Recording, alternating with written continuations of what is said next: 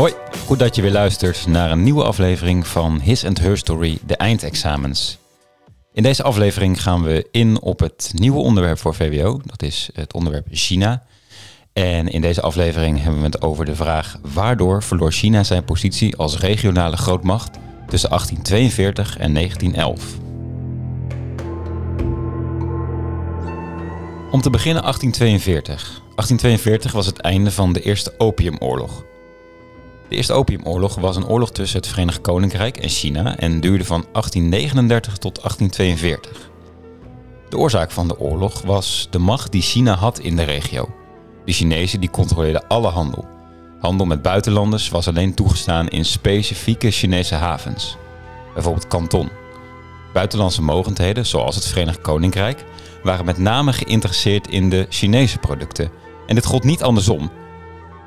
China had namelijk weinig interesse voor wat bijvoorbeeld het Verenigd Koninkrijk te bieden had aan producten. En doordat zij de handel zo strak in handen hadden, controleerden zij ook wat het Verenigd Koninkrijk kon importeren. En zorgden ze dus ook voor dat deze positieve handelsbalans voor hen in stand bleef. Het gevolg van deze strenge handelsregulatie zorgde ervoor dat het Verenigd Koninkrijk illegale routes ging vinden om toch maar spullen te verkopen in China om die handelsbalans weer een beetje recht te trekken. Via deze illegale routes smokkelde het Verenigd Koninkrijk opium binnen in China. Opium was een soort drugs wat werd gemaakt van de papaverplant, een plant waar bijvoorbeeld nu ook heroïne van gemaakt wordt. Aan deze opium raakte binnen de kortste keren grotendelen van de Chinese bevolking verslaafd. Je kan je voorstellen dat de Chinese regering, die het sowieso niet zo moest hebben met buitenlandse invloed, dit niet echt zag zitten. De Chinese regering riep de Engelsen op het matje en probeerde tot een oplossing te komen voor deze opiumcrisis om de handel terug te dringen. Nou, beide landen wilden hier geen cent in toegeven. Het verdiende enorm veel geld voor het Verenigd Koninkrijk en voor China was het ontoelaatbaar dat opium werd geïmporteerd in hun land. Uiteindelijk kwamen beide landen er niet uit en ging China over tot de harde hand. Opiumverslaafden werden opgepakt en de Engelsen moesten al hun opium inleveren. Het werd geconfiskeerd. In de haven van Canton lagen enorme hoeveelheden opium van de Engelsen en dat werd allemaal ingenomen door de Chinezen. Nou, dit was uiteindelijk de druppel voor het Verenigd Koninkrijk, de casus belli, de aanleiding tot oorlog. En de oorlog was begonnen. En dit was dan de eerste opiumoorlog. De oorlog eindigde uiteindelijk met de vrede van Nankin. De Chinezen hadden de oorlog ja, verloren en waren genoodzaakt de eisen van de Engelsen in te willigen. De Britse vloot lag namelijk al in de haven van Nankin om eventueel de genadeklap te geven eh, voor het geval de vrede uiteindelijk niet tot stand zou komen. Het verdrag van Nankin zorgde ervoor dat de Engelsen vrij mochten handelen in de Chinese havens, iets wat voor die tijd ondenkbaar was. De Chinese handel was streng gereguleerd. Ook werd Hongkong, een Britse kolonie, die moest China dus afstaan. En China moest 21 miljoen dollar aan herstelbetalingen betalen. De Chinese regering verloor stukje bij beetje de controle over die strenge im- en export van goederen. Ongelijke verdragen, dus waaraan China eigenlijk minder voordeel had dan uh, de andere partner, werden gesloten met andere buitenlandse mogendheden, zoals de Verenigde Staten, Rusland, Frankrijk en Japan. Deze landen kregen soms havens, gebieden in het bezit, waardoor ze ook overheidstaken overnamen van de Chinezen en dus ook belasting konden heffen en andere regels konden invoeren, waardoor de Chinezen uiteindelijk veel geld misliepen en ook de controle over het gezag kwijtraakten. En het falen van dat centrale gezag dat zorgde voor onvrede onder de Chinese bevolking. De macht van China in de regio begint dus al af te nemen door deze externe factoren, de buitenlandse mogendheden die steeds meer touwtjes in handen krijgen. En naast deze externe factoren waren er ook interne factoren. De Taiping-opstand is zo'n voorbeeld van een uitwas van deze interne ontevredenheid. De Taiping was een christelijke groep uit het zuiden van China die het Confucianisme wilde afschaffen. Nou, het Confucianisme was de leer van de filosoof Confucius, waarop de hele Chinese samenleving al eeuwen was gebaseerd. Je kan je voorstellen, dat kwam even hard aan dat men daarvan af wilde. Nou ook wilden ze dat de buitenlandse inmenging werd teruggedrongen, vrouwen en mannen gelijk behandeld moesten worden en privébezit moest worden afgeschaft. Grote delen van het middenrijk van China, de kern van de Chinese samenleving, kwam uiteindelijk onder gezag te staan van de Taiping. Naast een opstand vanuit het zuiden van China kwam er ook een groep in het noorden van China in opstand tegen de Chinese keizer. Deze groep was de Nian.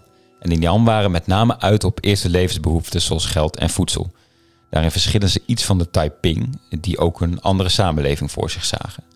Nou, uiteindelijk worden de Taiping met behulp van de Britse troepen verslagen na 14 jaar strijd. Uiteindelijk worden de Nian verslagen door de Chinezen zelf, omdat ze weer hun handen vrij hebben, omdat de Taiping verslagen waren. Nou ja, om even een voorbeeld te geven van deze uh, ja, burgeroorlog, mag je het eigenlijk wel noemen. Qua aantal slachtoffers is deze Taiping-opstand vergelijkbaar met de Eerste Wereldoorlog. Hoewel de keizer van China, van de Qing-dynastie, als winnaar overblijft en de opstanden heeft neergeslagen, is het keizerlijke leger zo verzwakt dat het niet meer in staat is de verdere orde in China te waarborgen. En hier zie je weer een aftakeling van China als regionale grootmacht. Om deze regionale macht te herstellen, ontstaat er de zogenaamde zelfsversterkingsbeweging. En deze moet je goed onthouden. De eeuwenoude traditie van het Confucianisme, waar we het net over al uh, hadden, is nog steeds de kern van de samenleving, maar moet worden aangevuld met westerse technologieën, zoals de industriële revolutie, een modern leger en een moderne vloot. Deze beweging komt niet echt van de grond. Er zijn grote conservatieve stromingen, met name vanuit dat Confucianisme, in China die tegen elke vorm van vernieuwing zijn. Ook zijn er eigenlijk geen middelen om deze vernieuwingen te betalen. Vernieuwingen die wel doorgevoerd werden waren het afschaffen van het zogenaamde ambtenarenexamen en werd er een aanzet gegeven tot het opstellen van een grondwet. Nou, dat ambtenarenexamen was een toets die ervoor moest zorgen dat het Chinese ambtenarenapparaat aan een soort gouden standaard voldeed. Maar 1% van alle deelnemers slaagde in één keer voor dit examen. Zo moest je een grote kennis hebben van de wet, de Chinese literatuur en de leer van Confucius uiteraard. Wat dit in eerdere eeuwen zorgde voor eenduidigheid van bestuur over het hele Rijk, werd dit een obstakel tegen het einde van de 19e eeuw. De overheid groeide namelijk door die modernisering en door dat strenge examen slaagden er veel minder ambtenaren dan dat er nodig waren om alle posten te vullen. Uiteindelijk zorgde de Chinees-Japanse oorlog van 1894 tot 1895 ervoor dat het duidelijk werd dat de vernieuwingen toch wel echt nodig waren om, om niet volledig opgeslokt te worden door de staten die wel naar de toekomst keken, zoals Japan. China verloor door deze oorlog Taiwan en Korea. Binnen de Chinese paleismuren was er wat oneenigheid over deze zelfversterkingsbeweging. Keizerin Xixi hechtte namelijk veel waarde aan de Chinese tradities. Zij was tegen elke vorm van vernieuwing en had een afkeer tegen alle buitenlandse invloeden in China. Dit in tegenstelling tot haar man, de keizer Guangzhou, die wel huil zag in de vernieuwingen. Xixi pleegde een zogenaamde paleisrevolutie om hier een stokje voor te steken. Guangzhou kreeg huisarrest en Xixi begon aan de strijd om alle buitenlandse invloeden te verdrijven uit China. Dit deed zij onder andere door zogenaamde boxers de ruimte te geven acties te plegen tegen alle vernieuwingen en buitenlandse invloeden. Zo werden spoorwegen, telegraafverbindingen, kerken en zendelingen aangevallen. Ook werden ambassades in Peking bezet door de boxers. De boxers waren met name landloze boeren die hun oude China ten onder zagen gaan. Deze acties worden samen ook wel de Boxersopstand genoemd en duurden van 1899 tot 1901 en dit moet je wel onthouden. Deze opstand werd ook wel de Boxersopstand genoemd omdat deze boeren vaak met hun handen vochten volgens de eeuwenoude vechtkunst wat ook aan het Confucianisme verbonden is. Uiteindelijk zorgde een buitenlandse interventiemacht ervoor dat de Boxers in 1901 werden verslagen. Dit was de zogenaamde Acht-landen-alliantie. Het Boxersprotocol, het vredesverdrag waarmee deze strubbelingen eindigden, maakte een einde aan de vijandigheden. In het protocol werd vastgelegd dat China verplicht was tot het doen van herstelbetalingen, zo'n groot bedrag dat zij nooit zouden kunnen betalen. De grootste nederlaag was eigenlijk iets wat niet in het protocol stond, namelijk de terloging van de Qing-dynastie. Na deze zoveelste tegenslag onder leiding van de Qing-dynastie was de macht van de keizer tot een minimum beperkt. Uiteindelijk kwam de laatste Chinese keizerdynastie ten einde in 1911, tijdens de Xinhai-revolutie.